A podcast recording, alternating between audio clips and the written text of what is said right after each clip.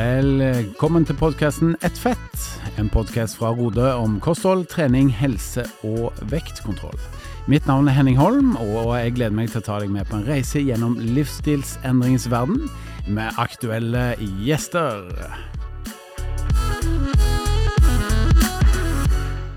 Ønsker vi eh, velkommen til første episode av podkasten Ett fett. Eh, jeg har med meg eh, min mer eller mindre faste gjest helt fra start her.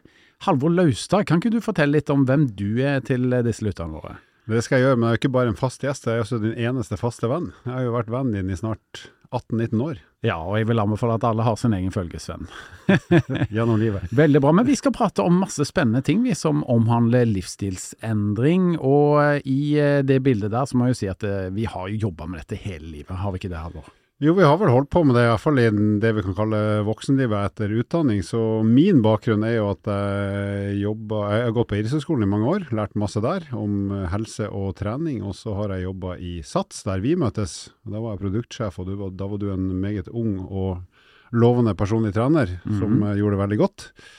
Og så hoppa jeg litt frem og tilbake, så jeg jobba litt i Din Kost, som også jobba med vektreduksjon på nett for en del år siden. Og så var jeg tilbake igjen i SATS som produktsjef, og da var du fortsatt i gang, men hadde steget til gradene. Og så ble det litt sånn treningsutstyr, og så litt skøyteforbund. Og, og så jobba jeg i EVO, som er en treningssenterkjede, og så har jeg heldigvis fått lov å begynne å jobbe i Rode fra og med nå i november 2022. Så det er jeg veldig glad for. Mm, og da snakker vi om gode, gamle Grete Rode, ikke sant, som uh, har uh, ja, fornya seg litt og kaller seg nå for bare Rode. Så nå jobber du mer eller mindre fulltid da, med vektreduksjon, vektkontroll uh, og i det segmentet der. Ja, jeg vil si faktisk full fulltid. Mm. du har jo ansatt meg på en hel stilling. Det er sant. Så, så undertegnede å jobbe her i Rode, da. og jeg må jo få lov å si litt om meg selv òg. Jeg har eh, jobba som personlig trener i godt over 20 år. Har vel hatt omtrent eh, ja, 22 000 PT-timer, så jeg har sett på veldig mye trening, for å si det sånn. Men det er jo flere av de kundene som har hatt mer enn én time, heldigvis.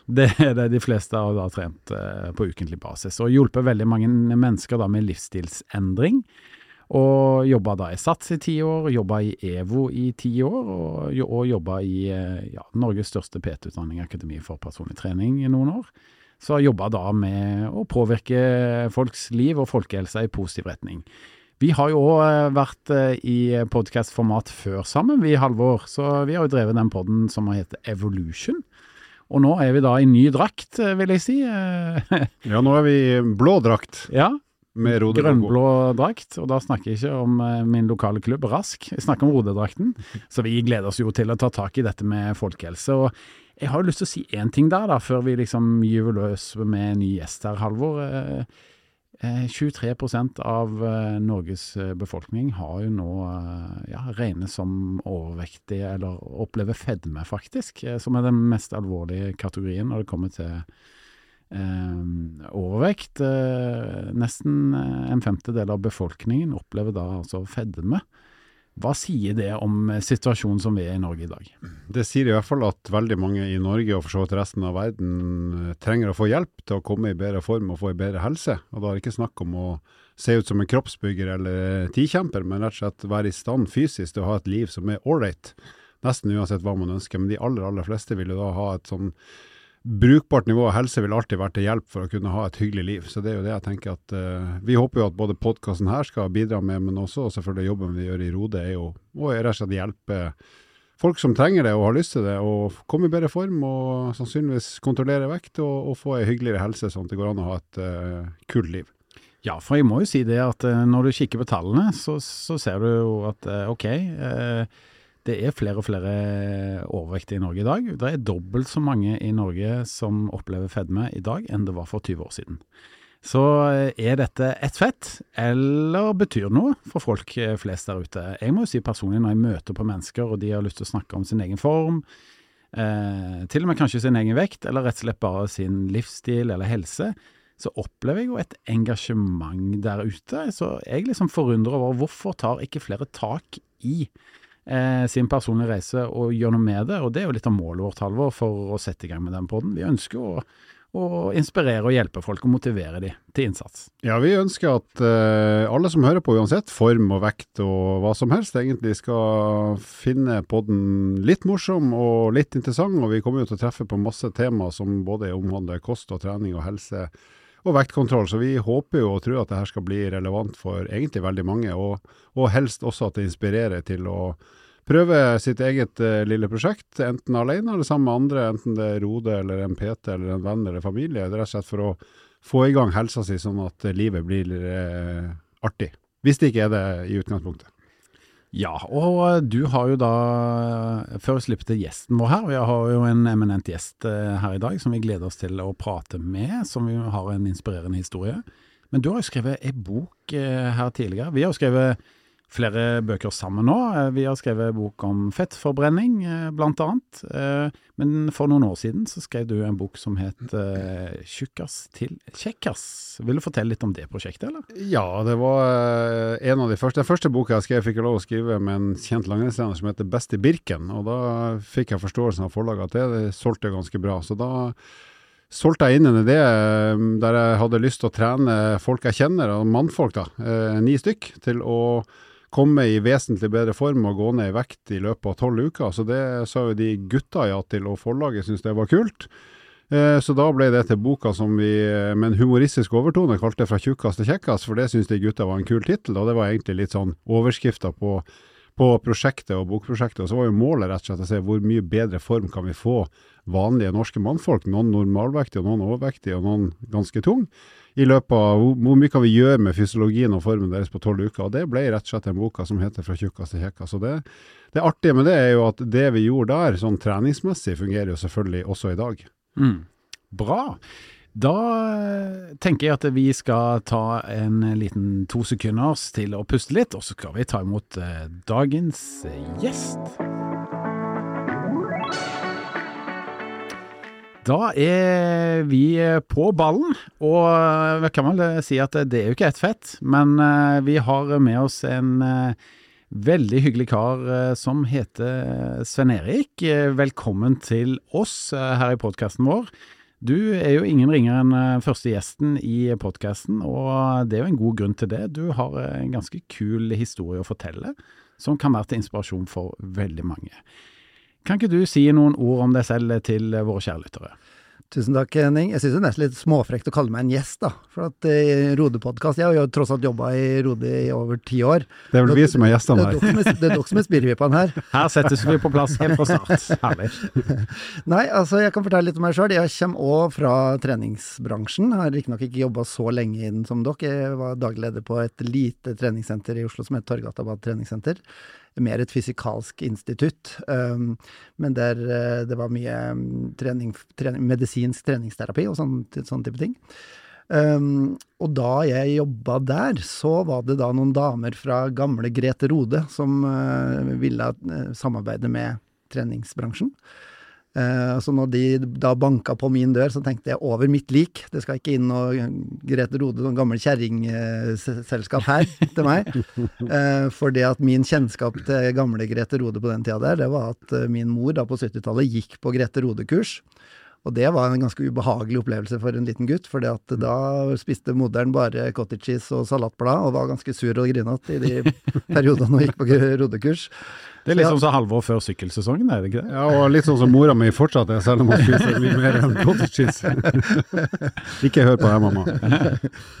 Men øh, sånn at jeg var egentlig litt motvillig, da, da jeg mm. som daglig leder skulle liksom snakke med de damene fra Grete Rode.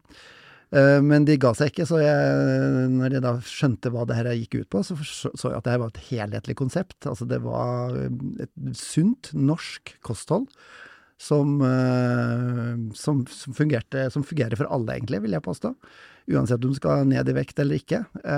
Og det første jeg gjorde da når vi da ble enige med at vi skulle ta inn det konseptet inn på det treningssenteret, det var at jeg måtte teste det ut sjøl. For jeg har også slitt med overvekt, egentlig ja, fra jeg var sånn ca. 35. Uh, så da tenkte jeg at da må jeg prøve det. det er jo helt siden 70-tallet, er det ikke? Det, det er ganske lenge siden, i hvert fall. uh, sånn at, uh, så da testa jeg det på, på, på meg sjøl først, uh, og det fungerte veldig bra. Og så syns jeg det var så interessant, da, for jeg ser jo, så jo på treningssenteret at det var veldig mange som slet med overvekt. Og da tenkte jeg at da må jeg prøve å inspirere flere sjøl, så da ble jeg Rode kursleder. Først bare kurs for menn. Og etter å ha gjort det ca. et år, så ble jeg rett og slett headhunta inn i det som da het Grete Rode, mm. på en Rode-kongress. Uh, en av eh, få mannlige kursledere som da ble rykka opp til å bli regionsjef. Så nå er jeg da regionsjef i Rode, har vært det i ca. ti år. Ja, så du har da ansvaret for eh, en god del sånne kursledere som hjelper mennesker ned i vekt, eller til å holde på vekten, rett og slett.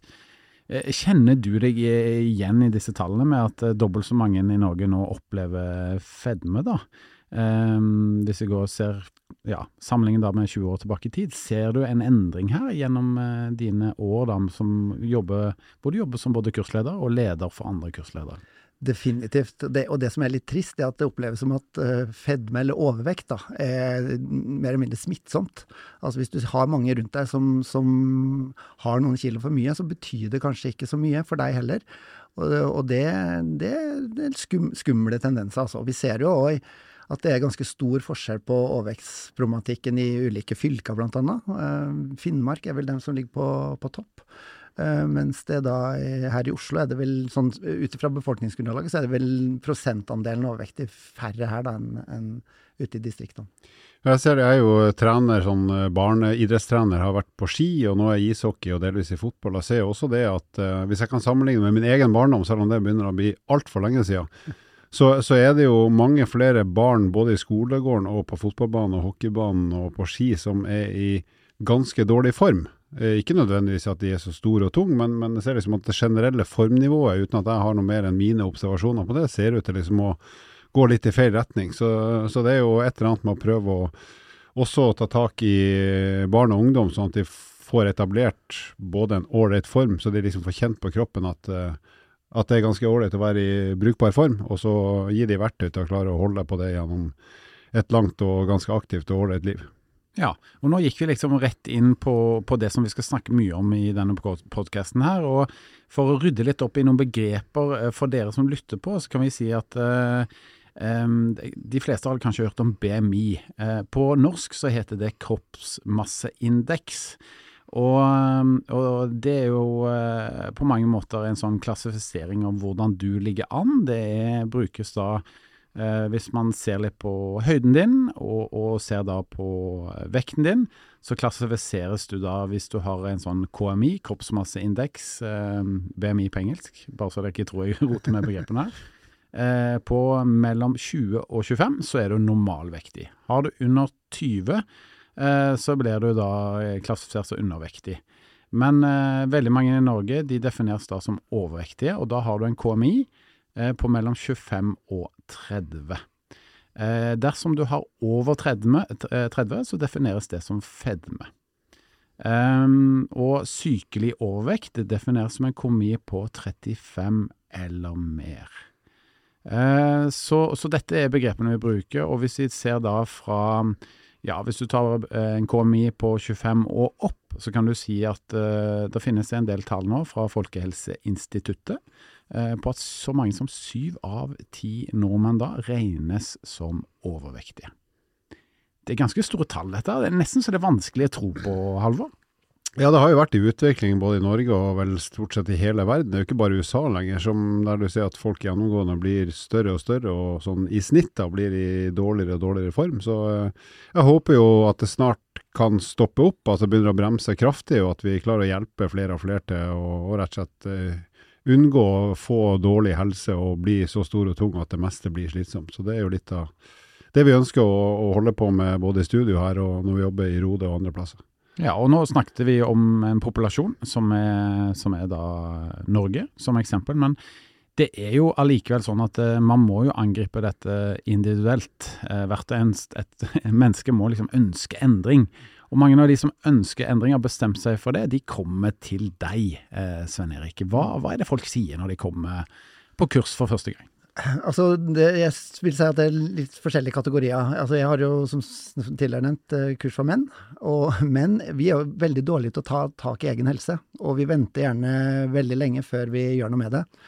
Og jeg vil påstå at eh, de aller fleste som begynner på kurs hos meg som er menn, de har enten blitt sendt på kurs av legen sin, eller av kona. Kona eller dattera eller sønnen. Altså folk som er bekymra for at du mm, har blitt for overvektig og ikke har tatt tak sjøl. Eh, veldig mange som begynner på kurs, er jo litt sånn motvillig i starten. Altså har egentlig ikke den motivasjonen som skal til. Det vi kaller ytre motivasjon. Altså når du blir sendt på kurs fra, fra, legen, så er det jo da legen som, som har styrt det, på en måte. Altså, Men, du, du, eier det ikke sjøl, på en måte? Du nei, har bare blitt litt, fortalt at her må du bare gjøre Ja, du bør gjøre noe med det. Og så du, kan, har du en del Og de aller fleste har jo litt sånn ambivalent i forhold til det å legge om livsstil. Det er en, det er en tung uh, jobb. Uh, og det er ikke, ikke alle som syns at de har krefter eller ork til, til, å gjøre det. Men det vi opplever på kurs, da, det er at når de først har bare kommet i gang og skjønt at det, altså, Ordet livsstilsendring er liksom så voldsomt. Det høres ut som du må liksom gi slipp på alle goder i livet og, og, og legge helt om.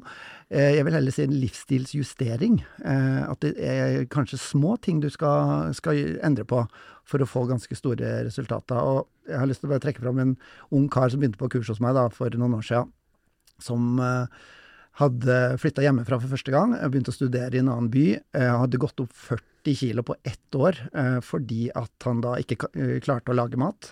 bare spiste junkfood og drakk masse cola. Og da var det da sånn typisk da mora som når den kom tilbake 40 kilo tyngre etter et år, sendte den på kurs til meg, eh, og han eh, var veld, veldig sånn ydmyk da han kom. Eh, kom alltid litt for sent på første kursmøtene. Uh, tydelig liksom lite sjøltillit. Syntes det her var veldig pinlig. Veldig mye eldre karer som satt på, på kurset. Han så at han var veldig ukomfortabel med å komme inn. Men det, han begynte å jobbe, eller det vi begynte å jobbe med for han, da, det var rett og slett å ta vekk f.eks. å bytte ut cola med Cola Light. Sant? Når han drakk så mye cola som han gjorde, to liter om dagen, så ga det en ganske umiddelbar effekt. Det høres veldig enkelt ut å bare gjøre det, men eh, jeg tipper vel at det ga positive utslag, dette? Det, umiddelbart på vekta så gikk det veldig, veldig bra, og han var da kanskje ja, 130 kilo eller sånn når, når han kom på kurs.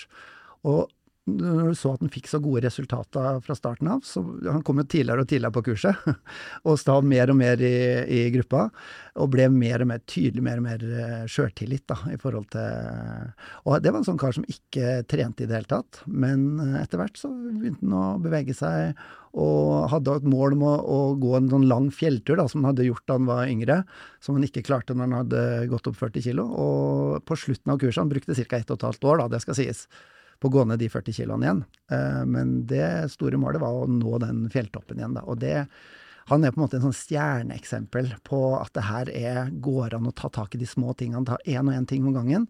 Eh, og få et mye bedre og sunnere eh, kosthold og, og aktivitetsnivå. Wow, veldig fin historie, og helt sikkert en historie som mange kan ja, kjenne at de blir motivert av og ønsker å sette i gang. Hallo, hva er det som er viktig å huske på når man eh, ønsker en vektreduksjon? Man har bestemt seg og tenker at ok, nå er det min tur. Hva er viktige poeng å starte? Jeg må jo si at uh, for første gang siden jeg møtte Hans Erik, så har jeg notert meg det noe han har sagt. Nei da. Nei, men det, er på tide. Det, ja, det er på tide. Det er på tide at du leverte noe bra. Neida. Eh, det, det han sa om livsstilsjustering, det har jeg faktisk ikke tenkt på før, men det er jo et glitrende ord. Eh, for det er jo det jeg har tenkt å si nå, at ikke begynn å forandre på alt, uansett om du har et rent treningsmål, eller om det er et vektmål eller helsemål. Begynn med å identifisere hva er det jeg kan forandre på som gjør minst kall det vondt i livet mitt, da, som jeg på en måte godt kan klare meg uten. Om det er å spise en pose peanøtter, eller om det er å la være å drikke en halvliter sukkerbrus, eller om det er noe annet. Så liksom begynn med de små tingene som du kan unnvære hver dag. For hvis du gjør ei endring hver dag, så vil jo det bety ganske mye bare i løpet av ei uke, og selvfølgelig i løpet av en måned. Så det tenker jeg er det smarteste. Kartlegg livet ditt, vær litt ærlig med deg selv og se hva, hva er det her som kanskje ikke bidrar til at helsa mi er bra, og, og, hvilke av de tingene, eller kanskje én ting kan jeg ta bort med en gang, eller gjøre noe annet istedenfor det jeg gjør nå, og så begynne der. For da da vil det i hvert fall stoppe opp, sannsynligvis, og kanskje til og med at du får en ganske rask positiv endring bare pga. ei forandring som skjer daglig. Men du Halvor, eh, er det sånn at eh, du selv noen gang har eh, gått ned i vekt? Ja, jeg er vel som de fleste andre at man går litt opp og ned i vekt, litt sånn avhengig av sesong. og eh, men jeg har jo vært Jeg hadde jo en periode når jeg gikk på idrettshøyskolen der jeg tenkte at jeg skulle bli veldig stor og sterk. Mm. Nå ble jeg jo ikke spesielt sterk, jeg ble litt større. men mm. Så da var jeg vel eh, oppe igjen 105 kilo på det tyngste, og da tenkte jeg jo sjøl at jeg primært så veldig muskuløs og kraftig ut. Og så ser jeg jo i ettertid at jeg var jo egentlig ganske Jeg skal ikke si jeg var i dårlig form, for det er feil å si, men jeg var i hvert fall i mye dårligere form da enn det jeg er nå.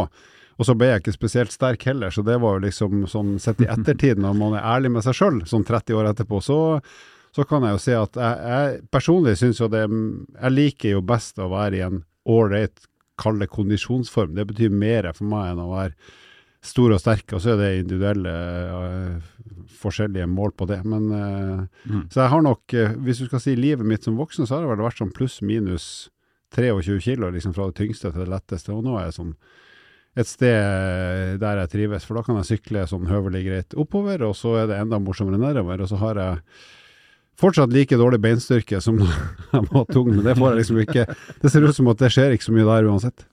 Nei, og selv om eh, ja, Vi har nok en ganske lik historie der. Mitt uh, tyngste punkt har vært 107 kilo. Da trente jeg mye styrke omtrent hver dag og spiste godt. Uh, utover det så er jeg nå 93 kilo og har en kropp som både funker til å sykle, løpe og trene styrke. Poenget med å si dette er det at vi er vel egentlig, altså sammenlignet med befolkningen, så er vi to ganske sånn sprekinger.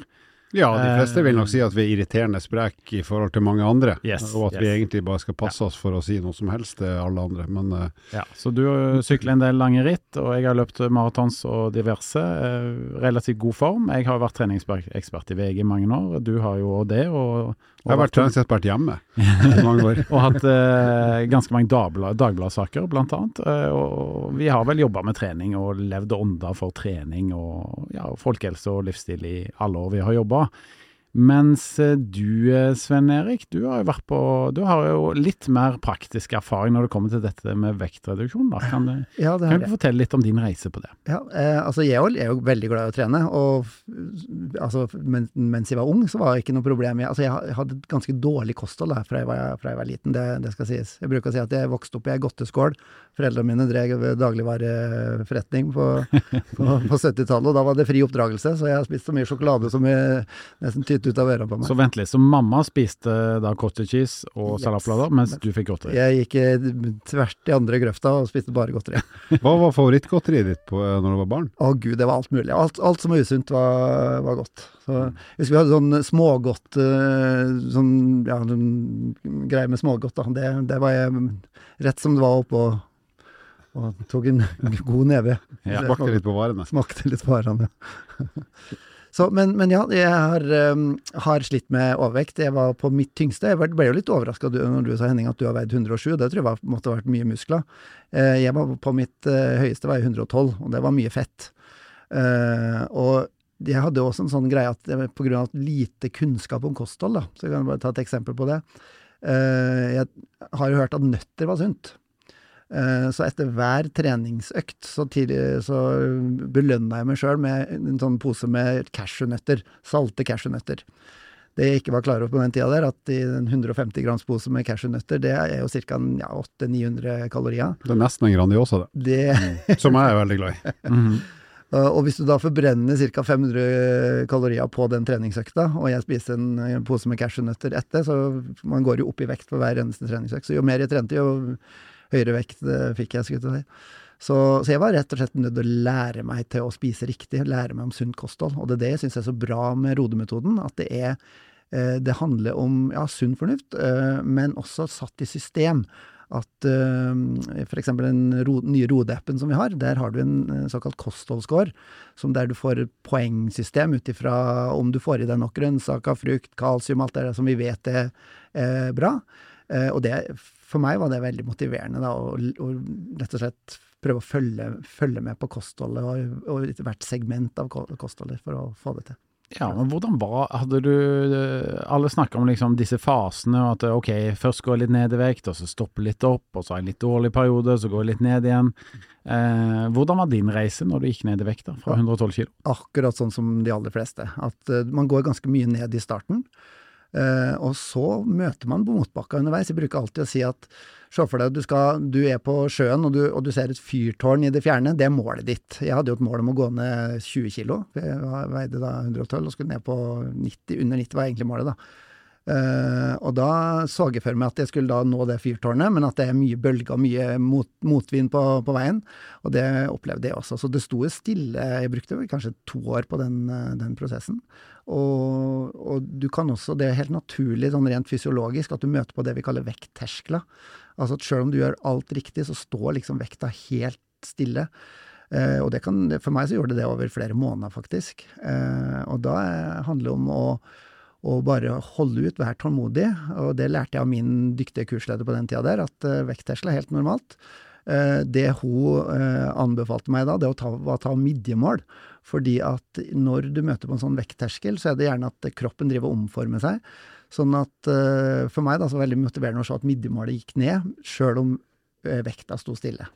Men det høres ut som akkurat i de fasene der, som jo sier, nesten alle opplever, uansett om de skal ha mye eller lite ned i vekt, men det er jo at det er nesten en sånn mental fight i ganske lang tid. Ja, det er veldig det. Og det, det er litt sånn at du må du må uh, lære deg å like de nye vanene dine, uh, og det tar tid. For altså, Det er jo en grunn til at uh, jeg syns at sjokolade er godt. det, er det er for at det er godt. Det, det er veldig godt. Og, og, det blir litt sånn savn at du ikke kan spise like mye sjokolade. Og det savn å ikke fråtse har vært for meg, i hvert fall. Må, men etter hvert, da, når du etablerer da, de nye vanene, så må du liksom lære deg å like dem. Og det er og så bruker jeg gjerne å si at det handler om smak der her. Mat handler om nytelse, det handler om smak. Men smak er jo også en tilvenningssak. Så, og da bruker jeg gjerne sånn melkekartongene som, som en, en, metafor på det. For hvis du da er vant til å drikke helmelk, da smaker jo gjerne skummamelk som vann, ikke sant. Men er du vant til å drikke skummamelk, så smaker helmelk som fløte. Og det handler om at du er du vant til mye fett i kosten, så smaker lite fett eh, lite, osv.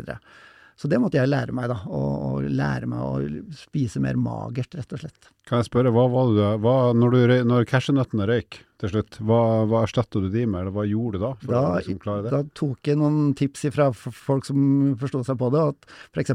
banan da, etter, etter en treningsøkt. Det holdt i massevis. Som både belønning og som påfyll etter en god vekt. Så det er kunnskapen rett og slett om ulike matvarer, hva de inneholder, som utgjør litt av forskjellen, da, spesielt i det lange bildet. når, når du har litt tøffere motivasjonsperioder, eh, Svein Erik? Ja, jeg tror kunnskap og det her mentale, altså trene på det mentale. Altså trene på hvordan, hvordan, du tenker om din egen, egen eh, ja, livssituasjon, rett og slett, og holdning til det. Så, men, men, ja, og det jeg også merker, og det, og det er ganske stor forskjell. Jeg har også kurs, øh, altså, kurs for damer, da. Eh, og jeg opplever at det er ganske stor forskjell på kunnskapen Mm, fra kvinner til, til, menn. Mye mindre kunnskap om mat blant uh, menn, vil jeg påstå. Og det tror jeg handler om enkle ting som at det er, det er vi er, det, Vi er jo bare dummere. Ja, vi er rett og slett. er jo bare dummere. Så enkelt er det.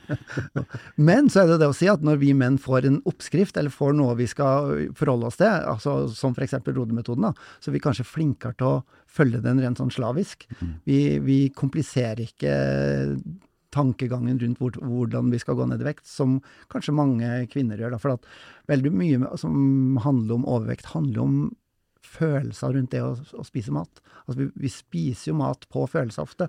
Vi spiser når vi er glad, vi spiser når vi er lei oss, vi spiser når vi er sint, vi spiser når vi er stressa. Sånn at uh, ofte handler det her om følelsesregisteret vårt. Har vi det litt sånn tungt, så er det også vanskeligere å, å holde på, på de gode rutinene. da. Mye erfaring fra det Tjukkas kjekkas-prosjektet òg, det er jo noe kjenner for det, det var jo også, de, de, ble, de ble jo veldig målretta. Og så var jo det for så vidt tidsbegrensa. Så det ble jo litt konkurranse, sunn konkurranse med de. Men der var det jo også sånn at flere av de eh, avslutta sine forhold til eh, både kjærester og annet. Fordi at eh, de ble så dedikert og fokusert på det her eh, prosjektet her. da. Så det er kanskje litt i overkant igjen, da. Men eh, veldig målretta. Ja. Nå, nå, skal ikke du skremme vekk folk her til å få til en livsstilsendring, Halvor. Vi fant tilbake igjen etterpå. det gjorde det, ja. Tror jeg. Men eh, nå, nå har vi prata litt om hva som skal til, da, eh, og, og, fått høre litt av Svein Erik sin reise. Men en sånn enkel tallillustrasjon eh, basert da på eh, Folkehelseinstituttet sin eh, rapport fra 2016 som heter 'Sykdomsbyrden i Norge', viser at eh, Voksne kvinner har en gjennomsnittlig kroppsmasseindeks i Norge på 26,6, og menn har 27,5. Mm. mm. Så gjennomsnittet da i Norge, og jeg tror jo ikke på, dette er bare min påstand, men jeg tror ikke dette har blitt bedre siden 2016. Nei, Tallet har vel neppe gått ned, særlig ikke etter korona, der ja. de fleste av oss ble slappere og beveger oss mindre. Ja, Men hvordan skal vi angripe dette her fra litt sånn større ståsted, da? Eh, vi skal tenke litt større. Hvordan, skal vi få til dette i Norge i dag? Hva, hva tenker dere om det? Gjerne få høre litt eh, refleksjoner. Ja, Det er et stort spørsmål, Henning. Eh, jeg tror jo, som du var inne på i stad, man må ta tak i seg sjøl. Altså det er liksom de, de individuelle som er i utgangspunktet Du må, du må kjenne på en, et ønske om å gå ned i vekt sjøl. Eh, men så er det jo sjølsagt veldig viktig hvordan samfunnet legger opp til Vi, vi, vi kan jo enkelt si at vi lever i et litt sånn fedmefremkallende samfunn. Uh, I forhold til alt som har med ja, Det snakkes mye om sånn sukkeravgifter og, og, og, pris på sunne eh, matvarer og sånne ting. Jeg er jo en av få kanskje som er tilhenger av sukkeravgift. Rett og slett for, at, for, min, for min egen del at jo dyrere det er med sjokolade, jo mindre sjokolade spiser jeg. Eh, men, men, det er klart at det er et stort samfunnsproblem. Og jeg vet ikke om du nevnte Henning, men, men det koster jo samfunnet nest, ja, oppimot 800 milliarder i året. Det at vi lever så usunt som vi gjør, og det er så mye overvekt i samfunnet. Mm. Det var enda et stikkord som jeg noterte nå. Det er andre gangen du har briljert på en halvtime, så nå må jo du snart gå ut herfra. Eller at vi inviterer han tilbake. Eller at han bare erstatter meg, kanskje. Nei, men det med fedmefremkallende samfunn, det syns jeg òg var et veldig godt begrep. Uh, for det er jo så utrolig enkelt å nesten sitte et helt døgn. Sitte eller ligge, og så får du gjort det aller meste. Altså Nå sitter jo vi i et podkaststudio, og vi har gått noen skritt inn hit, men vi kunne jo nesten sluppet unna en normal kontorarbeidsdag med 1500 skritt, kanskje. Hvis du, hvis du går så lite som mulig. Mm. Og det, det, er jo klart at når det, når det gjelder nesten alle i Norge nesten hver dag, så er det klart at formen blir jo ikke god av å sitte stille så mye. Nei, for det er vel to store årsaker til at vi har havna her. Det ene er jo at vi har uh, veldig mye usunn mat som er tilgjengelig. Et eksempel er hvis at jeg kommer jo opprinnelig fra Stavanger, bor i Oslo. Mange ganger uh, så velger jeg da å ikke fly, men ta en tur med bilen og stoppe da to-tre ganger på den lange veien det er fra Oslo til Stavanger, på en bensinstasjon. Hvor enkelt er det da å få tak i et sunt måltid? Ja, det kanskje det har blitt noen flere valg i løpet av de siste ti årene, men i utgangspunktet det å ta med seg noe som er da næringstett og ikke energitett, for å bruke et sånt type eh, begrep, da, det er jo ikke veldig enkelt. Og Det andre det er jo det du er inne på her, eh, Halvor, det er jo at eh, vi er jo veldig inaktive. Jeg er veldig glad i løpe, og de dagene jeg løper, pluss at jeg er fotballtrener for mine unger, da ender jeg på gjerne sånn 15 000-16 000 skritt. De dagene det regner ute og jeg bare skal trene styrke, f.eks., så kan jeg fort ende på 5000-6000 skritt. Mm. Så hvis jeg ikke hadde da løpt, mm. så, så, hadde jeg vært en av de der eh, som de fleste av oss er, som er relativt inaktive, altså. Og det, altså det, er egentlig en viktig ting med akkurat det der, det at, som mange kanskje ikke tenker på, det at jo mindre aktiv du er, eller mindre tid du bruker på aktivitet, da, jo mer tid har du til å slappe av. Og hva gjør vi når vi slapper av? Jo, da har vi en tendens til å kose oss. Mm. Sånn at tida du har på kvelden særlig, til å sitte foran TV og kose deg, i gåseøyne, det, det blir ofte brukt til å spise litt for mye igjen, da. Kjenner meg igjen der. Og der har jeg jo, jeg som de fleste voksne, når jeg har mulighet til å ha lørdag hver dag, så blir det ofte lørdag, i hvert fall med en dag i uka. Det kan jeg jo skrive under på. Mm. Men Apropos det med skritt, jeg må bare igjen da tilbake til korona, selv om vi forhåpentligvis er ferdig med det. Men der hadde jeg jo, når vi hadde hjemmekontor som vi var tvunget til å ha ja, i veldig lang tid, så, så, hadde jeg flere uker der jeg hadde gjennomsnittlig mandag, tirsdag, onsdag, torsdag, fredag 1500-1600 skritt på en hel dag. Altså de dagene jeg ikke var trener for ungene eller gjorde noe annet. Altså bare satt, satt og rusla rundt i, i, stua og ikke gjorde noe annet aktivt enn det. Og det er jo Det er jo helt utrolig lite. Jeg tenkte jo ikke over det. for jeg, men jeg Henning som snakka om det en eller annen gang ute i korona der. Mm. Da, da, nevnte du det her med de joggeturene. Eh, og da, Jeg hadde ikke vært obs på det før da. Og da så begynte jeg å se litt på loggen min på de eh, skrittellerne på telefonen. Det er jo helt mm. absurd lite. Altså gå 1500 skritt på en dag. Uansett livssituasjon. Ja. Det er jo helt meningsløst. Og da tenker jeg hvis vi eh, tre karer som sitter her, da er veldig aktive og opplever det du forteller om nå, Halvor. Mm. Hvordan står det da til med de som ikke er bevisst på det? Og ei heller da er aktiv eller har en fysisk jobb, og det har jo færre og færre i Norge i dag. Så dette er nok en sentral del at vi har havna der vi har, altså. Disse to tingene med inaktivitet og at det er mye usunn mat eh, tilgjengelig. Ja, ta opp telefonen, så ser du hvor mange skritt du har. fordi Nesten alle telefoner som er mindre enn fem år gammel, har vel en sånn skritteller. Så det er den enkleste måten å få en sånn idé om hvor, hva, hvor mye beveger vi oss. Mm. Og jeg må si at jeg har mange kunder nå som går på kurs, som, som nettopp nevner det med hjemmekontor. At det har vært et problem sant, fra starten på koronaen. Og veldig mange fortsetter jo på hjemmekontor. Og det gjør at de blir mer inaktive. Eh, Sånn og i dag hadde jeg veldig lyst til å ha hjemmekontor, for jeg brukte 45 minutter på å finne parkering. Men da fikk jeg gått mye, i hvert fall. Da fikk du noen skritt. ja. Du var vel ikke så veldig fornøyd når du kom inn døra her i stad? Jeg var mer fornøyd når jeg kom inn døra enn når jeg gikk ut av bildøra, det kan jeg si. For det at frisk luft og bevegelse gjør jo noe med også mitt humør, heldigvis. Men jeg var ikke i topp stemning, nei. og det var dagens treningstips fra Halvor. Let etter parkeringsplass, og deretter gå til jobb. Bra. Nei, men uh, vi uh, jeg, jeg har veldig lyst til å legge inn en liten teaser for neste episode. Jeg, Svein Sven Erik, for da skal du faktisk komme tilbake til oss. Og vi kjører en dobbeltepisode her i starten med vår gode gjest Sven Erik. Du har jo et eh, Selv om du har gått ned i vekt tidligere, du har vært en inspirasjon for veldig mange mennesker som eh, da har lyktes med å gå ned i vekt. Man sier jo gjerne at de som har gått på kurs hos deg, at omtrent ni av ti lykkes med å gå ned. Det er jo en fantastisk statistikk. det er unormalt Høyt. Ja. Mm, mm. Men likevel så har det sneket seg på igjen noen kilo hos deg det siste halvannet året, og det, det skal vi snakke litt om i neste gang når du kommer tilbake til oss eh, på, på eh, podkasten vår eh, Et fett. Halvor, jeg ga deg en oppgave, jeg, og det var å komme med en sånn eh, fun fact for de som vil lære mer om enten kroppen vår eller en livsstilsendring, vektreduksjon, vektkontroll osv. Så, så eh, med det så eh, ja, gir jeg ordet til deg for dagens fun fact. Ja, en fun fact. og det, Jeg har funnet fram en del facts om menneskekroppen, men så kom jeg over noe som jeg syns er litt vittig når vi snakker om helse. og Det er at sigarettrøyking som jo lenge var Det var populært, i hvert fall da jeg vokste opp. Jeg har, ja, jeg har røyka litt sjøl òg, men det har jeg slutta med. Men fram til på begynnelsen av 1900-tallet og fram til midten av 1900-tallet så ble jo sigarettrøyking markedsført som en smart måte å gå ned i vekt på. Har du prøvd det, Svein Erik? Det har jeg faktisk ikke prøvd. Kanskje det jeg skal prøve nå. ja, du får røyke deg ned i vekt. Og, og ned i form, selvfølgelig. Men det er ganske Altså, det sier jo litt om sigarettindustrien, men også at vi jo har lært noe i løpet av 50-60 år. Herlighet, altså. Tenk at uh, man var der. Det... Nå er det jo ikke kult lenger engang å røyke. Mm. Jeg syns det var dritkult når jeg var på russergrensa i 1992 og satt og røyka på røykerommet med soldatene. Da, mm. da var jeg helt konge. Mm. Det er jeg jo ikke lenger, da, på noen måte. Men, men, det er det slutt på, altså. Det kjenner meg igjen. Jeg hadde til og med nyttårsforsett om å begynne å røyke. Det det kult. men det sprakk etter tre dager.